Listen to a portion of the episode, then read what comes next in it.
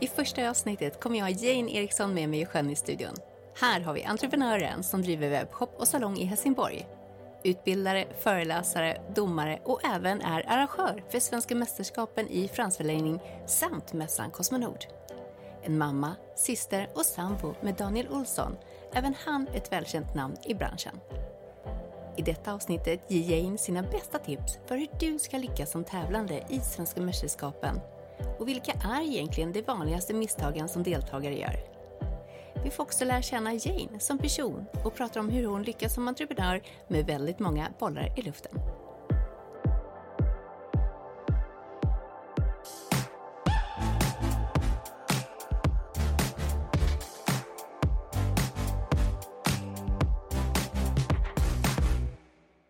Välkommen Jane, vad roligt att ha dig här. Tack så mycket. Du är uppklädd dagen till ära, härligt. Mm, jag kände ju att äh, ska man äh, klä ikapp sig med, med Linn Bergström så äh, kan man ju faktiskt bara klä sig i galaklänning.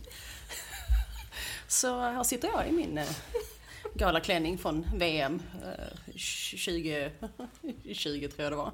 jag känner mig faktiskt lite nedklädd. Jag gör det. ja, jag har aldrig sett det se så luffig ut. Det är inte okej okay, liksom. Men eh, här klädde jag upp mig för dig i alla fall. Men alltså vill du sitta där och se slabbig ut så är det okej.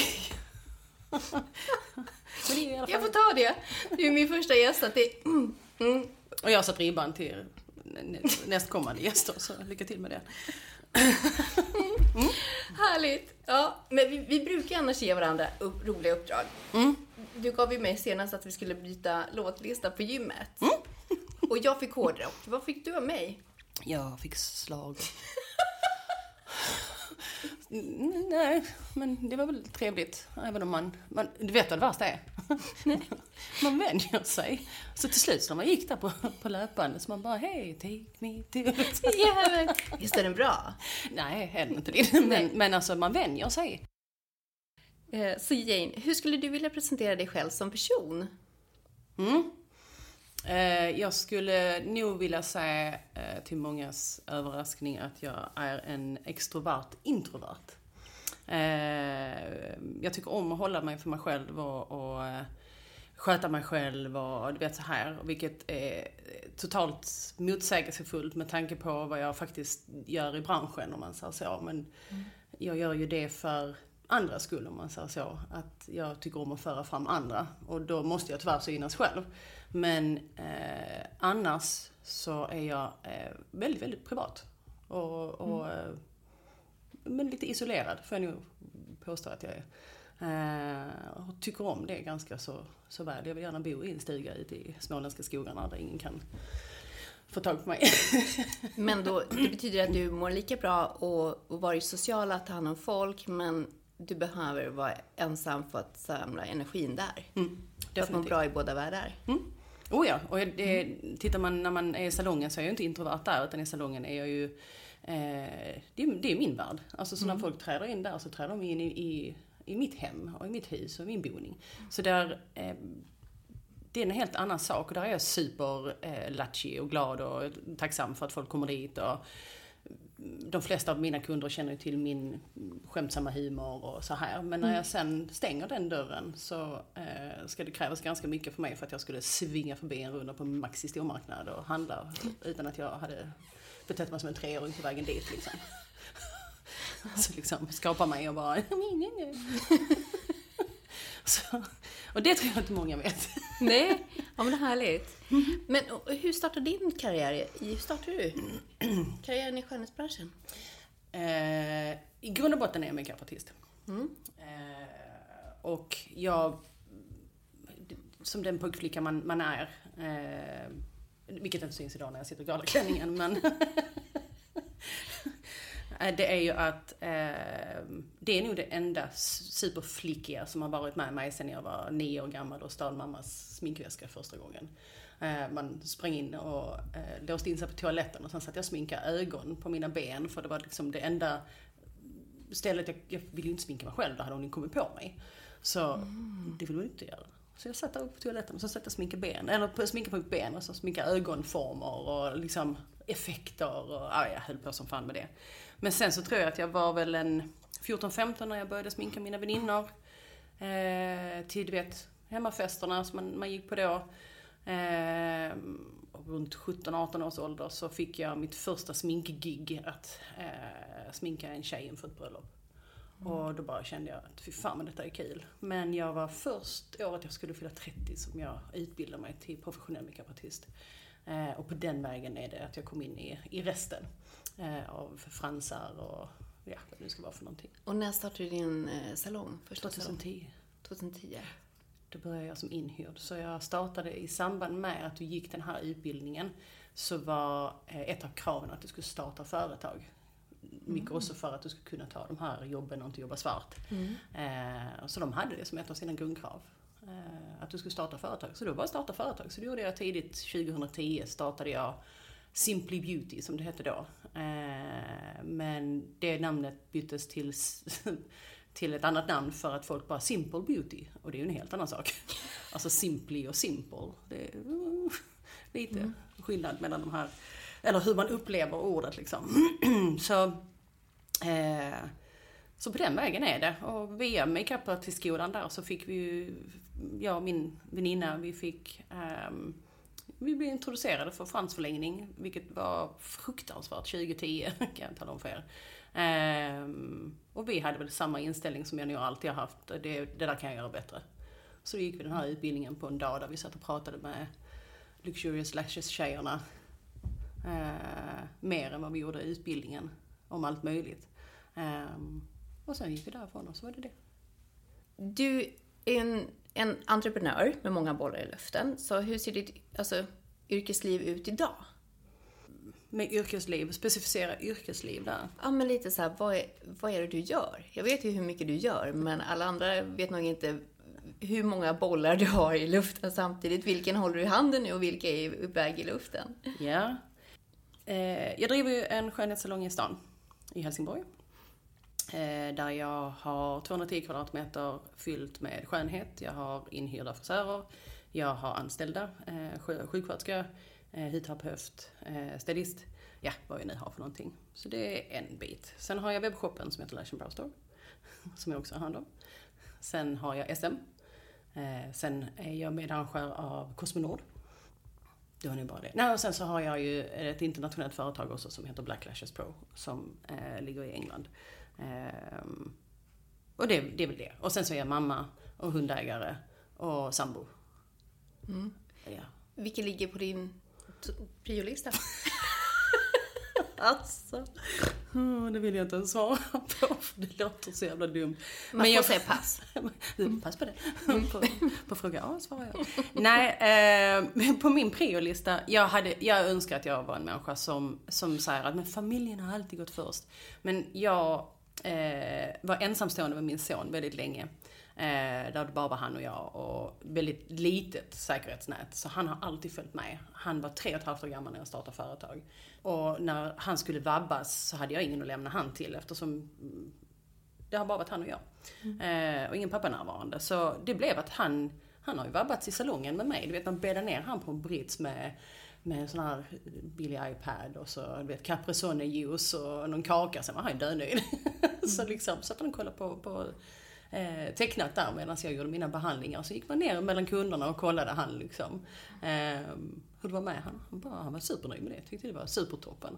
Så att han, det här med att man, absolut att jag prioriterat min familj på sätt och vis, men jag har också prioriterat att eh, säkra hans ja, men hans framtid och han, min mm. inkomst för att kunna försörja han. Mm. Eh, och då fick jag göra så helt enkelt, för det var bara jag som försörjde han. Så det, det var så det var helt enkelt. Och han så. var nöjd. Och du var nöjd. Var ja, och nu är han så himla involverad så, så i firman. Han kan ju fråga mig om grejer så, som SM och så här. Och nu till nästa års SM så, så ska ju faktiskt både min son och min eh, plastis, Daniels son, mm. följa med upp på SM. För nu är de så pass gamla, de är ju 17 och 18 då. Att nu minsann ska de få lov att jobba lite grann och bära lite britsar och slita lite grann. Mm. Så när du inte eh, jobbar, samlar du energin då när du är hemma själv i stugan? Eller hur annars, liksom, efter långa dagar i salongen? Var hittar du din energi och kraft? Jag tyckte den frågan var så intressant för att jag, jag inser att jag samlar inte kraft mer än att jag, du vet, man åker hem. Mm. Så jag försökte komma på ett sånt här super, men jag gör så här och så mediterar jag och så, jag gör ingenting, jag åker hem. Om du tränar?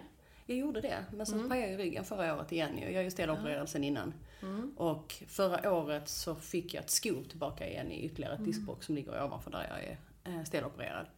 Men måste du köra rehab för det? Nej, alltså. jag fick faktiskt en fantastisk massörska som jobbar, eh, eller som är kund hos mig, som eh, kikade över lite grann vad som kunde vara fel och det visade sig att jag har ett väldigt, väldigt snett bäcken. Mm. Så, så som jag sitter, det är därför jag inte kan sitta på sadelstolar och sådana saker. Det mm. det är helt värdelöst för min rygg. Men eh, hon eh, såg till genom bara tre stretchövningar. Inte knä, knäcka, ingenting sånt, utan tre stretchövningar som jag gör varje dag eh, när jag går och lägger mig. Eh, så har mitt bäcken rättat upp sig. Så nu har jag mm. aldrig inflammationer i ryggen längre och jag har inte ont på samma vis. Och, så att nu kan jag träna. Eh, nu ska jag bara ha tiden till det också.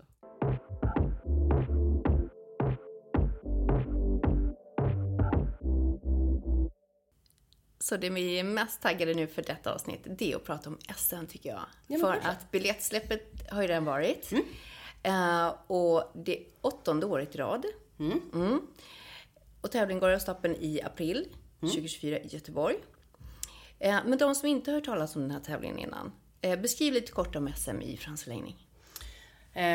Um har man inte hört talas om tävlingen så måste jag ju ifrågasätta alla skolor som finns där ute först och främst. Vad håller ni på med? Ni måste ju tagga på era eh, elever att utmana sig själva och få ett betyg på, på utbildningen de har, de har gått liksom. Men eh, SM är i alla fall en eh, tävling där man får utmana sig själv. Ehm, absolut att du tävlar mot, mot andra människor.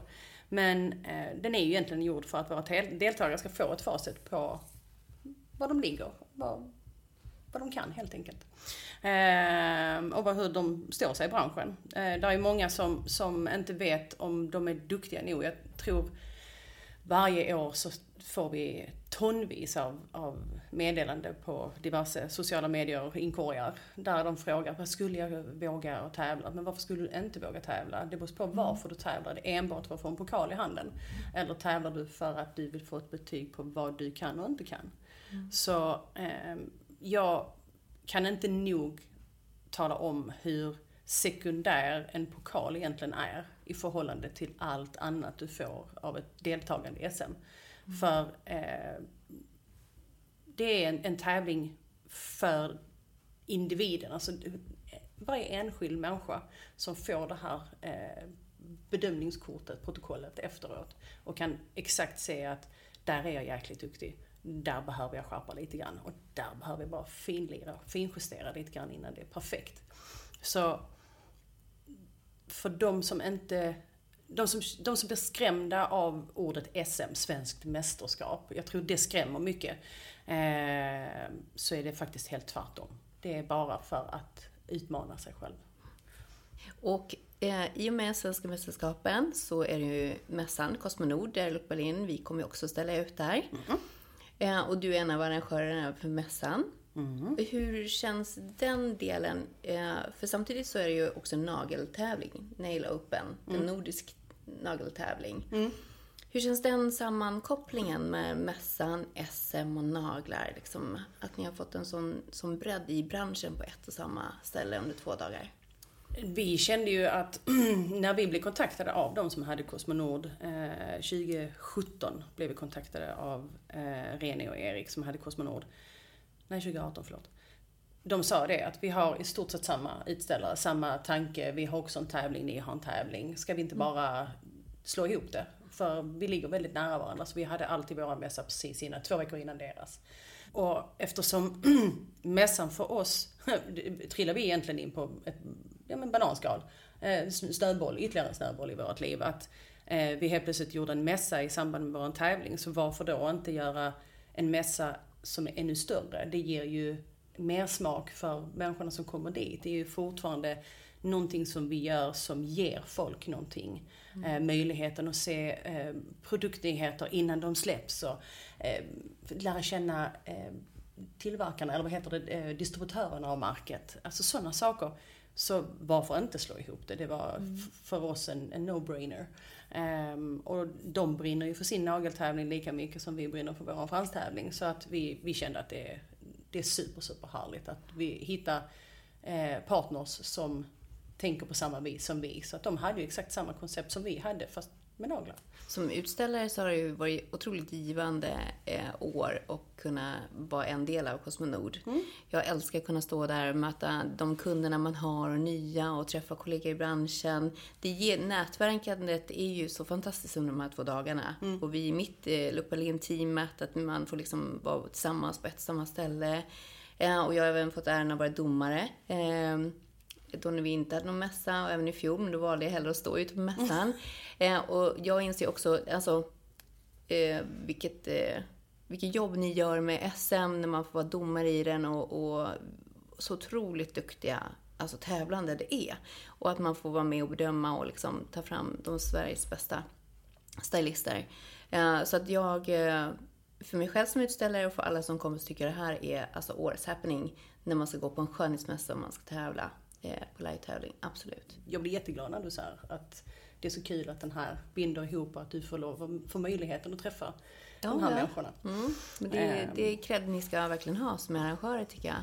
Men det, det som man heller kanske inte förstår när man kommer dit som besökare, eller när man inte är arrangör för någon sån här stor grej, det är hur mycket tid det tar bakom. Hur mycket tid, alltså i procent, eller hur ska man säga det, lägger du på SM och lägger du som arrangör för Cosmonord? Alltså tidsmässigt? Min tid läggs under åtta månaders tid där det blir som mest intensivt de tre sista månaderna. Då, är det, då går jag från att ha kanske ett par timmar om dagen eh, till att sitta det som behövs Mm. För att få knyta ihop säcken. Liksom. Mm. Men det är också det att det kommer alltid någonting oförberett. Någon som hoppar av. Och någon, att vet, man ska hela tiden sitta och, och polera i det här arbetet som man tror är färdigt. Så men nu är jag färdig, yes! Du vet så här, man är döglad. Och sen så är det någon som har Hitta lösningar och Så ska jag liksom, okej okay, hur gör jag det här nu? Mm. För man vill alltid göra det så bra för alla som möjligt och man förstår att saker och ting kan hända. Och det är nog det som tar mycket tid, alltså som helt plötsligt gör att, att det här korthuset, och bara liksom, man bara, nej, nej, nej, nej, nu skakar det lite grann på sidan, nu måste jag fixa det här. Man vet ju själv om man, eh, man förstår hur mycket tid det tar. Eh, men det är då det blir bra. När man verkligen lagt ner så mycket fokus på någonting helt enkelt. Jag kan tycka det är så roligt också det här med, med de sociala medierna och allting sånt, att det ska ju också följa med i det här. Och mm. för mig så är sociala medier, det är så otroligt underprioriterat. Men eh, superviktigt. Mm. För att man ska synas och höras. Men det är ju själva arbetet som jag vill sitta och plocka i. Mm. För att när folk sen kommer till mässan eller till tävlingen så har, är det perfektion och det är perfekt. Och så ska jag samtidigt sitta med de här jäkla sociala medierna. Jag tror inte någon där ute eh, i någon som helst bransch eh, inte känner att det ibland är sjukligt påfrestande. Att det hela tiden hänger efter en. Om inte man är Lill mm. Bergström förstås som bara briljerar på eh, sociala medier. Eh, och jag tror där är också många som, som önskar att vi hade bara en liten dos av Linn Det är för att jag går upp klockan fem och jobbar med sociala medier mellan fem till sju på morgonen. det är så fantastiskt och det, det, det ska man göra. Man ska ju lägga, lägga upp sin tid och sin prioritet och hur, hur ska jag eh, använda mig av min tid. Eh, så att man får in det. Men för mig, jag vill bara, jag vill bara göra själva eventen. Mm. jag tror så här, alltså i, i den här branschen, man ska göra det man är bra på. Mm. Eh, marknadsföring och sociala medier, det är någonting som ligger mig varmt i hjärtat, mm. eh, bland annat. Eh, så därför tycker jag att det, är en, det, det liksom tar in, ingenting av min, min vakna tid. Eh, för det är en del av, av mitt liv. Mm. Men det är ju så här, ja, precis, men det kanske är den administrativa biten, tekniska biten, den måste jag lämna bort. För annars blir det bara High Chaparral. Mm. Eh, och det är därför jag har Emma. Eh, men, så det gäller ju liksom, precis, vem kan göra det åt dig? Men den marknadsföringen, som vi, det är ju en sån personlig del. Man vill ju berätta om arbetet man gör. Man, så då, mm, den är knivig att lämna ifrån sig. Men vilka, vilka kategorier kan man tävla i för 2024? Vi har eh, klassiska fransar och volymfransar. Sen har vi lash och browlift. Eh, och det är vad vi, vi har för 2024. Och biljetterna kan man köpa nu. Mm. Mm. Och hur mycket har ni sålt av biljetterna? Eh, nu kollade jag först häromdagen. Eh, men sist jag kollade hade vi 125 sålda biljetter. Så, eh, och, Och det är med kraschen. Så detta året blev Daniel bara, men jag klarar det här. Det är ingen fara. Och sen så bara, han kan inte ens gå in och öppna biljetterna så att folk kan gå in och köpa biljetterna. För sidan bara totalkvaddar. Så till och med han blir utelåst och han bara, eh, liksom. Och jag bara tänker så här. Så med jag bara, lite högtryck nu, vi löser det så fort vi kan. Och han, liksom så här. Och jag försöker ju, men vi är ju inte bara partners, vi är sambos också. Så att jag, jag försöker i det här läget både vara partner, det, hur ser den ut det där? Samtidigt som man är sambo och bara, med ditt jävla nät, vad fan gjorde du nu? Har du inte förberett det här? Och man vill ju liksom skälla på samboskapet. Och så bara, men vad fan, jag sa ju till dig du skulle, du vet så här. Och så sitter man där som partner, det är sånt som händer, vi får ju vara tålmodiga här. Och det, är, det, är liksom, det visar ju att det är ett bra tryck och det är ju inte ditt fel. Och så vill man mörda mannen som sitter och lackar svett med så här stora ögon och bara, alltså paniken i han, han bara, han behöver inte höra det jag har att säga liksom. Men inne i mig så svor jag och det vet jag att han vet. Hur föddes idén till att starta och arrangera tävlingen från början? Det var utan tvekan när vi hade varit i Polen och tävlat. För vi, du och jag vi pratade om det då. Om att det här... Du och för, jag så åkte, jag kom på att jag skulle tävla i EM i Polen. Eh, Jag var relativt ny och bara, och så, så hade vi liksom connectat via sociala medier, via Facebook och, och så jag bara skrev till dig bara, åh ska du med och tävla i EM? Du bara, ja, jag ska kolla bara med barnvakt, tävla i EM i Polen. Men det var första gången vi sågs. Mm. Vi har inte sett varandra innan dess. Nej. Nej. Men eh, vi pratade, alltså den upplevelsen var ju så himla eh, det var givande på alla möjliga sätt och vis. Men jag kände väl att, att när vi pratade om det så eh, men vi, vi snackade om att vi skulle, men klart vi ska ha ett SM i Sverige. Det, det kan ju bara Det var bli- maj 2015 det här ju, vi åkte dit. Ja, det var kul. Nej men det var väl därifrån och jag tror att, att när vi hade pratat om att göra ett SM så, så blev det aldrig riktigt till någonting men så tog vi saken i egna händer så gjorde vi ett och sen så gjorde du ju din by Din Awards. Och jag tror vi hamnade där vi skulle hamna helt enkelt. Det är klart att du skulle ha din by Din Awards, det, det säger sig själv. Eh, Där du kan hedra dina, dina elever började faktiskt med ju. Ja, det, det, Look Berlin Awards var mest eftersom jag hade så många lärare i, i hela Sverige. Och då kände jag så här, då kan jag ha en dag som eh, jag samlade alla lärare, de fick föreläsa i sina expertområden. Alla elever fick träffa alla lärare. Eh, och sedan kunde vi också hylla de, de som hade presterat alltså, bäst eh, under året. Och, ja, det var lite det min första vision var. Mm. Ja, jag tycker det är en jättebra idé. Att, eh, för det, det är ju också en unik idé, likadant som tävlingen hade varit. Eh, det jag tycker om med, SM det är att den inte är eh, de- den är inte så himla märkesspecifik om man säger så, att det är vi på Lash Brow Store som gör det. Det är ytterst sällan jag ens lägger upp det, att det är vi som gör det. Utan det är Jane Eriksson som, och Daniel Olsson som, som fixar med SM. Ja, så, så blev det så, eh, Look Berlin Awards blev som stort intresse att många som inte hade gått eh, hos, eh, i vår skola ville komma på den här stora konferensen vi hade. Eh, för några år sedan så tog jag in det här Entrepreneur of the Year som jag går, i år gav till dig för jag tyckte att du förtjänar det.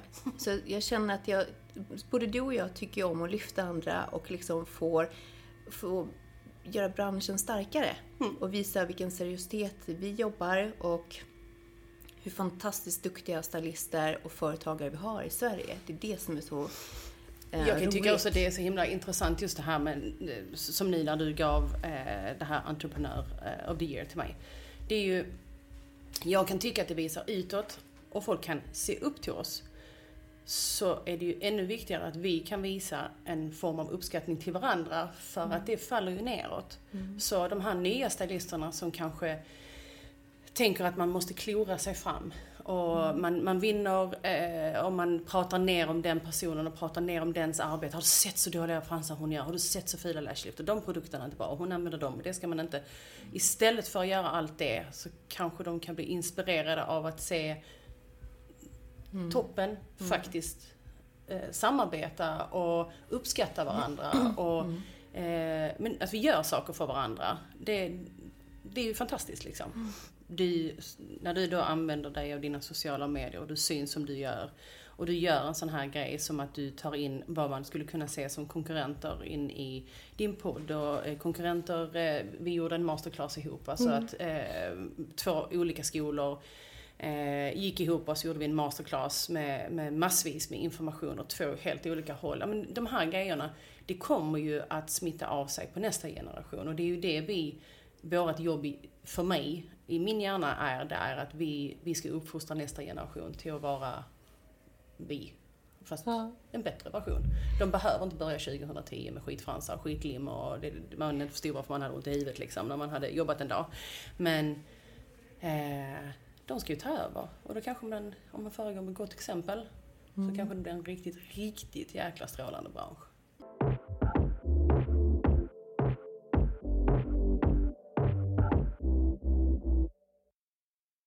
Vad är dina bästa tips för att gå långt i tävlingen? Jag eh, måste nog säga att det, det absolut bästa det är att låtsas som att det är vilken dag som helst i salongen. För det är det du ska bli bedömd på. Mm. Så man inte håller på och trixar och mixar en massa och nu ska jag testa det här och jag ska göra så här. Ska ett nytt lim idag? Ja, ja precis. Bara, but why? Liksom sväva ut eller ta en modell med två helt olika ögon för att man liksom, oh, kolla här. Eh, Fast är bra om den har två ögon. Ja, helst så. ett, ett är fusk. Man, det är lite svårt att, att kolla symmetrin i och för sig.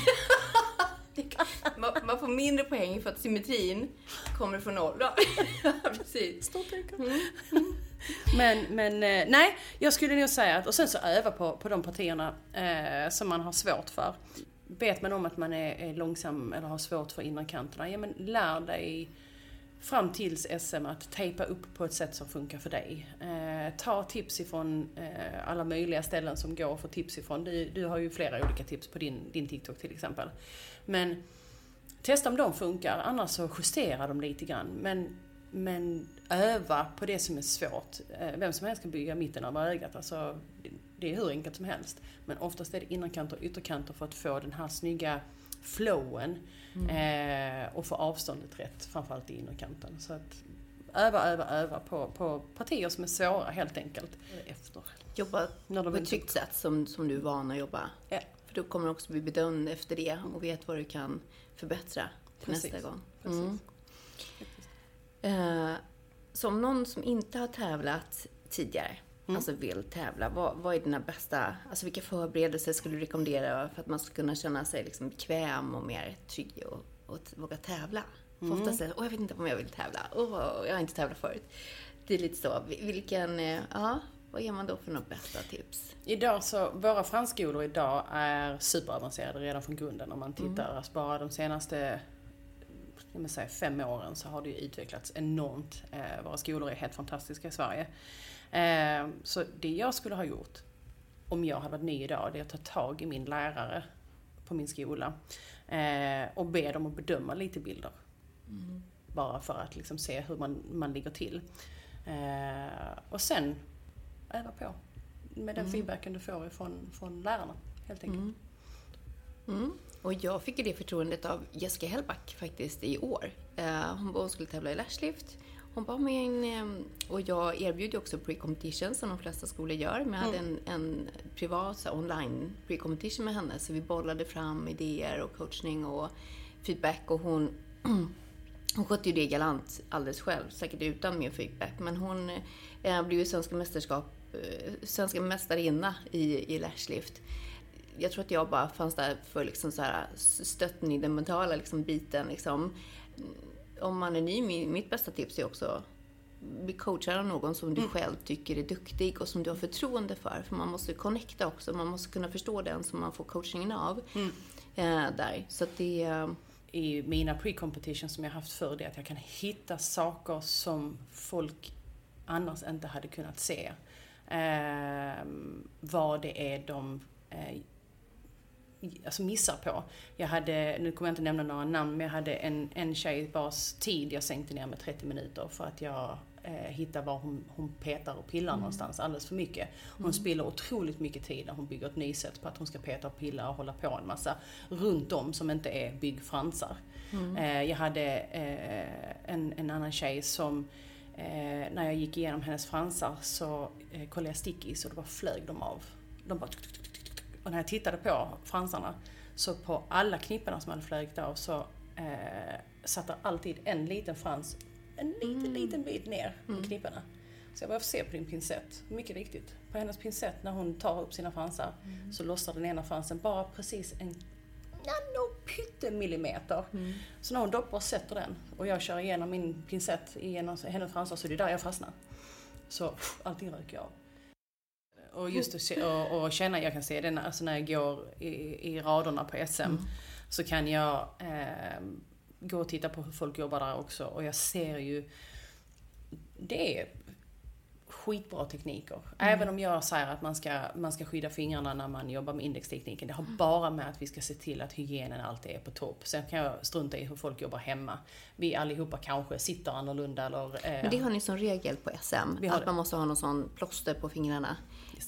Alltså gäller det minsta lilla plåster eller? Alltså, de varit... flesta jobbar ju med de här munsårsplåsterna mm, som mm. bara täcker. Så det, det enda det ska göra och det, är att den täcker. Ja. ja, och det är bara på den på ena. Mm. Ja.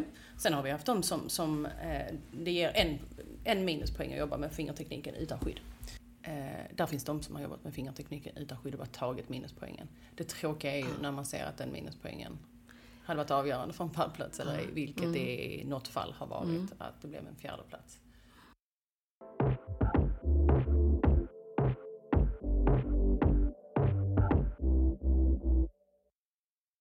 Så angående SM, vad är det vanligaste misstaget en deltagare ofta gör? Eh, de läser inte igenom hemsidan ordentligt.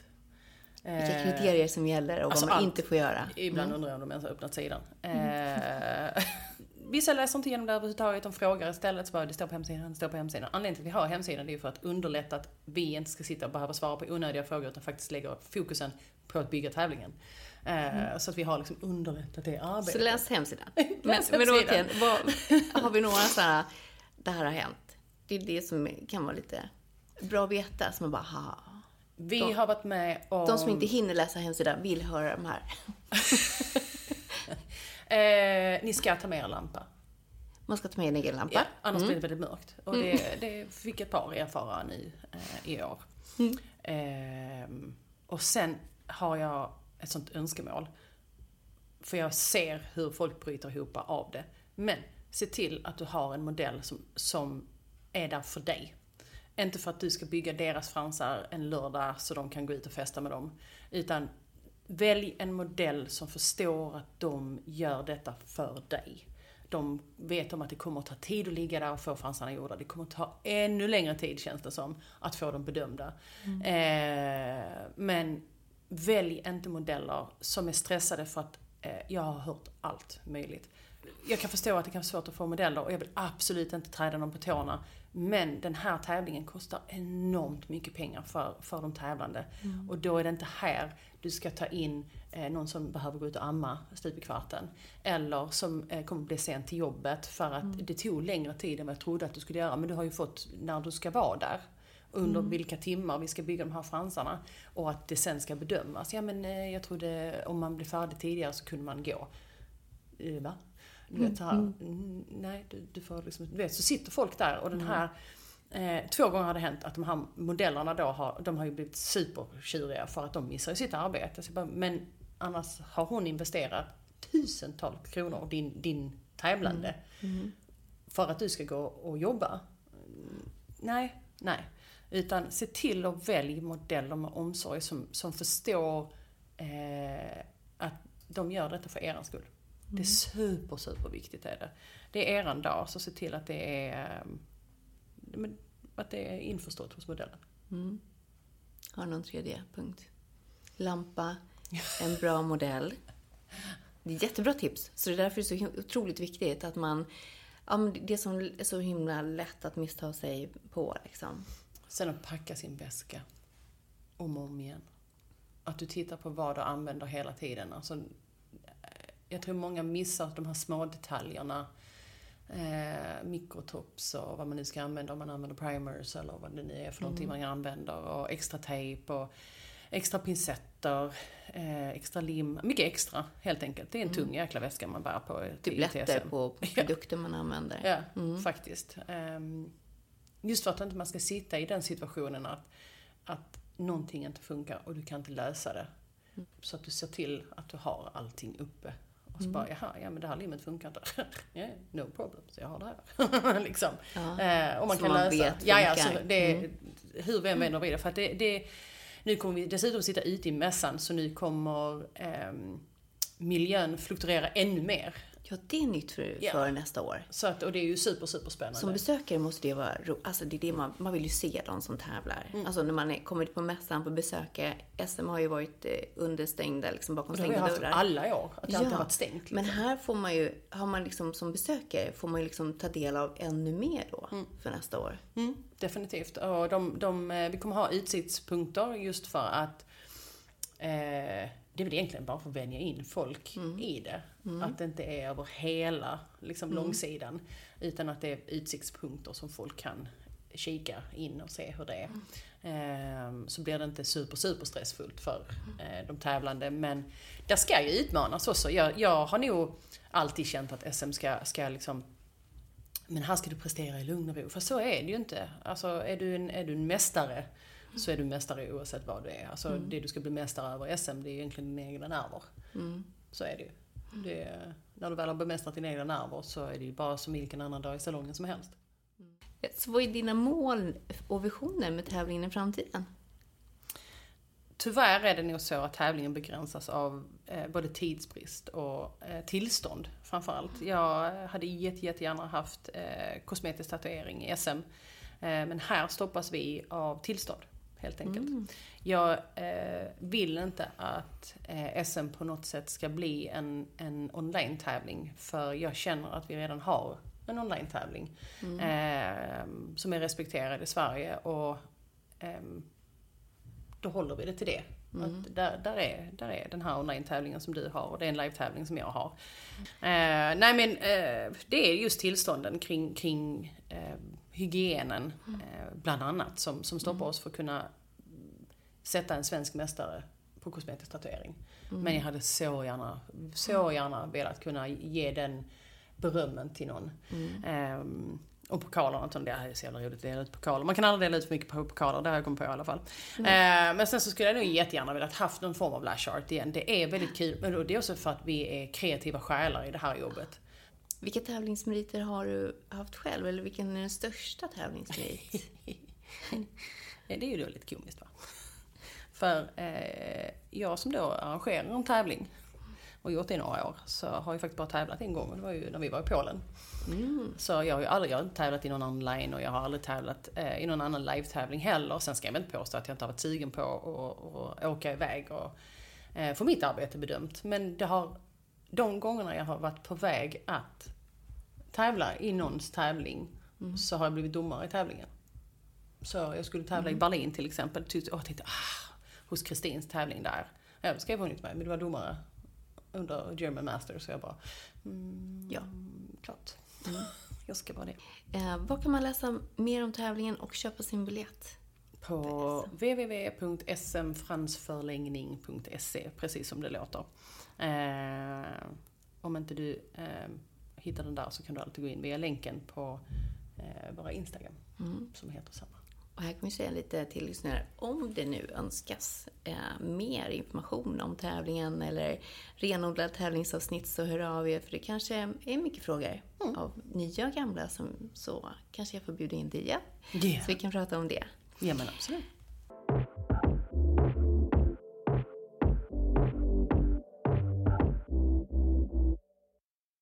Vad är det största ögonblicket i din karriär, Jane? Det är en superstor fråga tycker jag. Eh, jag. Jag funderade länge på, på den här eh, frågan innan jag blev enig med mig själv.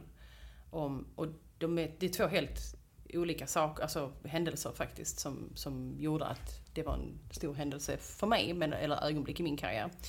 Eh, men det första var när jag minns att, eh, eller jag minns när jag förstod att jag hade blivit någonting som folk ville höra på. Ehm, och det var när jag och Daniel fick en 10 dagars resa inklusive hotell till Cancun i Mexiko. Ja, kommer jag ihåg. Eh, för att vara med på en konferens i två dagar och även utbilda våra första fyra lärare i Mexiko. Eh, så det var, ganska, det var ganska häftigt och jag satt där i en sån här skyttelgolfbil som tog oss på den här resorten. De har alltid stängda resorter, de har precis som jag vet det. Men på den här grejen då, så det, jag har läst i efterhand.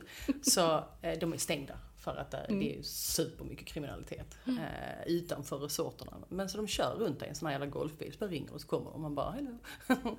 och så satt vi i den här golfbilen jag och Daniel och vi kördes då i den här lilla djungeln ner till, till eh, någon restaurang nere vid vattnet.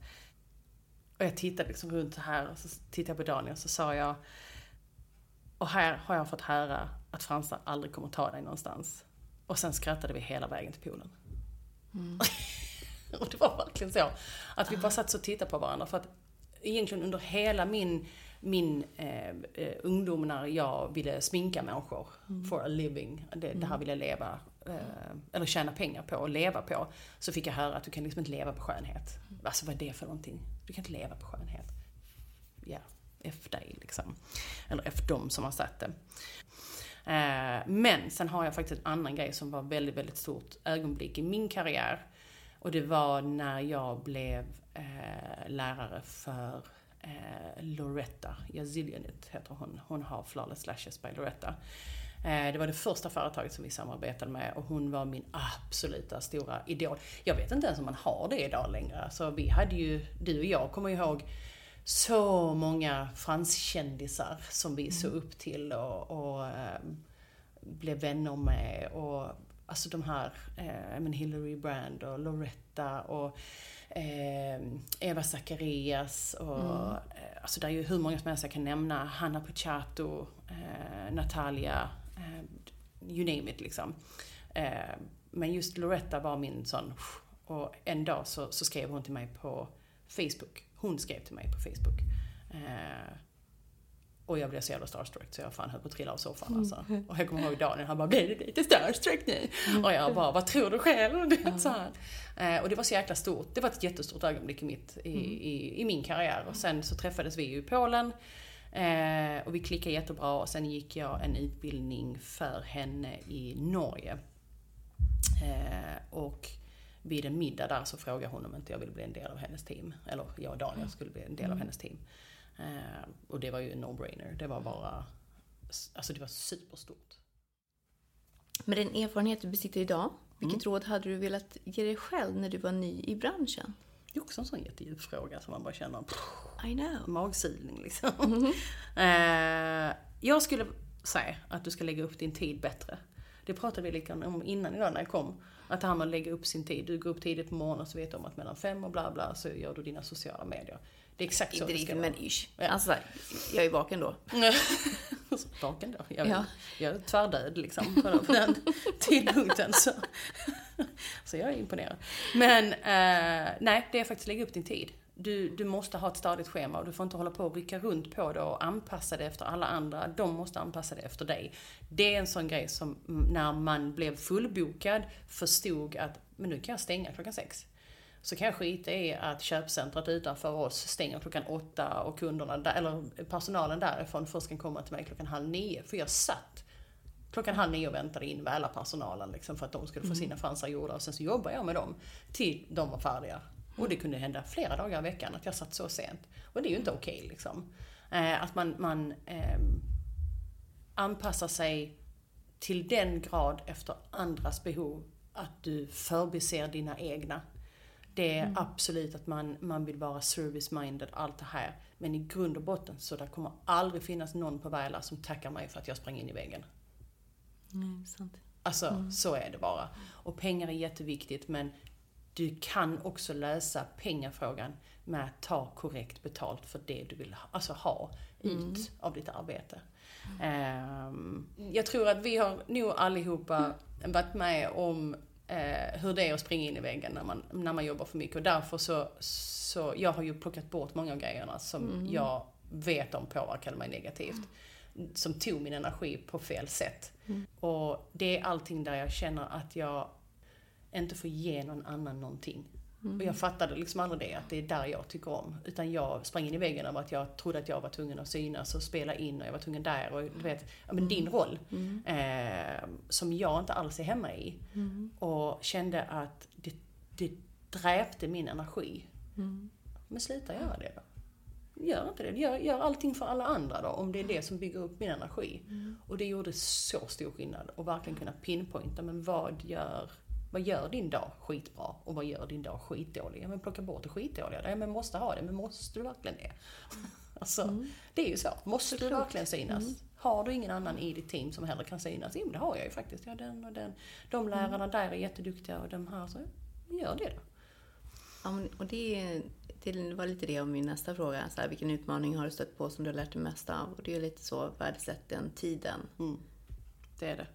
Att göra det du, du är bäst på och låta andra Jo, men göra tycker jag. resten. Jag kan tycka också att, att eh, om man tittar förbi rollen jag har som SM så har jag även rollen som chef eh, i salongen till exempel. Det är en skitsvår roll. Det, det är en absurt svår roll faktiskt. För jag har så otroligt svårt att se skillnad på när jag ska vara kollega och när jag ska vara vän och när jag ska vara chef. Och ehm, det tror jag 100% är en personlighetsgrej. Att man inte kan riktigt se skillnad på de här rollerna. Så när jag går in eh, och behöver vara chef så kanske jag går in och så bara du vet, är jag dödcheck liksom? Och sen så bara, fan det är ju vängrejen, jag var där ja. Nej, det, så, så kan jag inte gå in. Alltså det blir så himla roligt för att jag, jag, jag glömmer var jag ska vara någonstans, eller liksom vilken roll jag måste nu måste vi ha ett möte här. Och när säger jag det till mina anställda så kräks de ju. De går in på toaletten och bara... De är så rädda om du Ja, ja, du vet så här, så jag bara så. liksom. Nu ska vi vara lite roliga här. Vi ska ha ett eh, litet kort samtal om eh, absolut inget allvarligt. Eh, senare idag i förbifarten vid kaffemaskinen. Ja men du vet så här.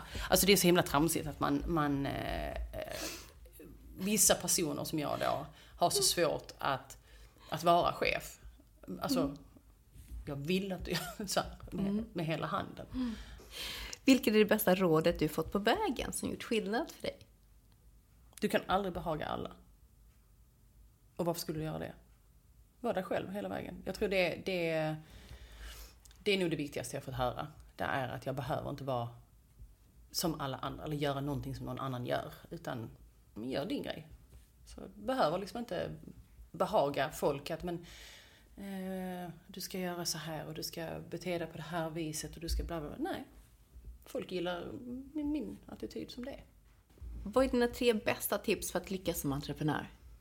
Ha en klar plan vad du vill ha ut av ditt företagande. Du kan till exempel inte tänka att du ska jobba lite men tjäna mycket och sen ta 300 spänn för ett nyset. Alltså, nej, det går inte. Ha en klar bild vad du vill med ditt företagande. Eh, som sagt innan, planera din tid, när du ska göra vad och håll dig till det. Eh, och sen var sann mot dig själv och prata aldrig illa om andra. Eh, det är ingen som tjänar på att du talar ner om andra. Så är det.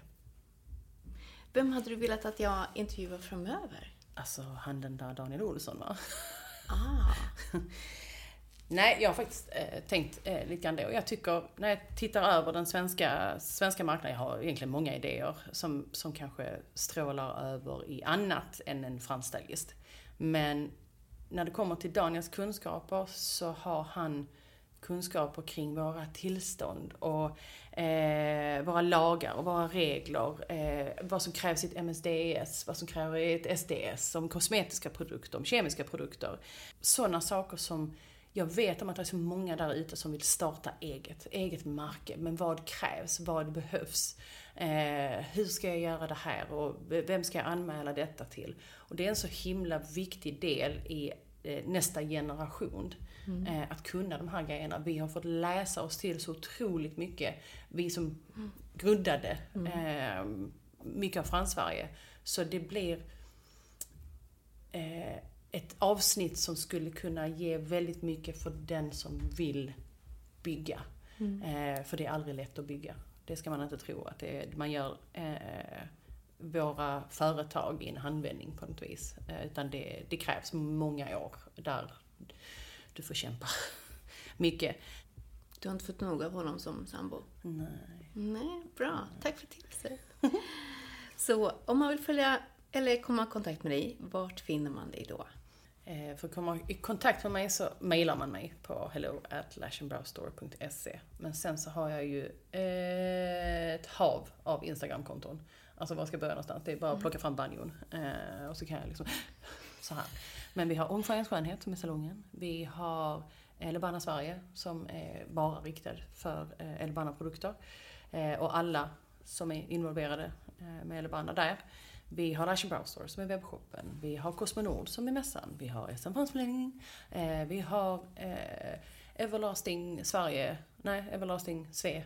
Eh, som är kosmetisk tatuering, eh, företaget jag utbildar för. Alltså, you, you name it, bara mejla mig istället. Det, men följ alla de kontona.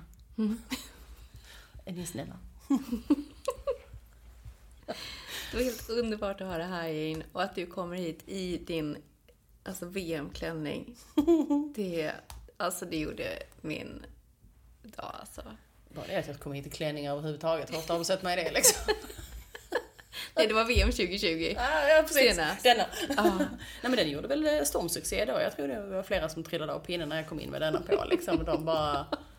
Vad fan? Och du kände det var dags att använda den igen. Så jag tar den på Lins poddpremiär. Tusen, tusen tack för att du kom. Tack själv. Uh, och jag hoppas att ni lyssnare eh, fick eh, inspiration, lärde er och blev nyfikna på SM. Och vi ses på Cosmonordmässan 5-6 april mm. 2024 i Göteborg. För där står jag med Luc Wallin på mässan och Jane som arrangör för både mässan och SM. Mm. Det är jag som springer runt som en ny höna där. Det är bara att fånga mig på vägen. And that's a wrap. Tack för idag. Tack för idag. Efter detta avsnitt så längtar vi ännu mer till Kosmonodmässan. Vi på Luc Berlin kommer ju vara där och vi hoppas ju att du hälsar på i vår monter. Sätt dig ner, häng med oss och testa våra produkter och ta del av våra fantastiska erbjudanden. Vi lottar även ut 10 stycken fribiljetter och för att ta del av dem så mejlar du oss på info Tack för att du lyssnade. Vi som producerar podcasten Luc Berlins skönhetsstudio är Linn Bergström och jag, Emma Schatz.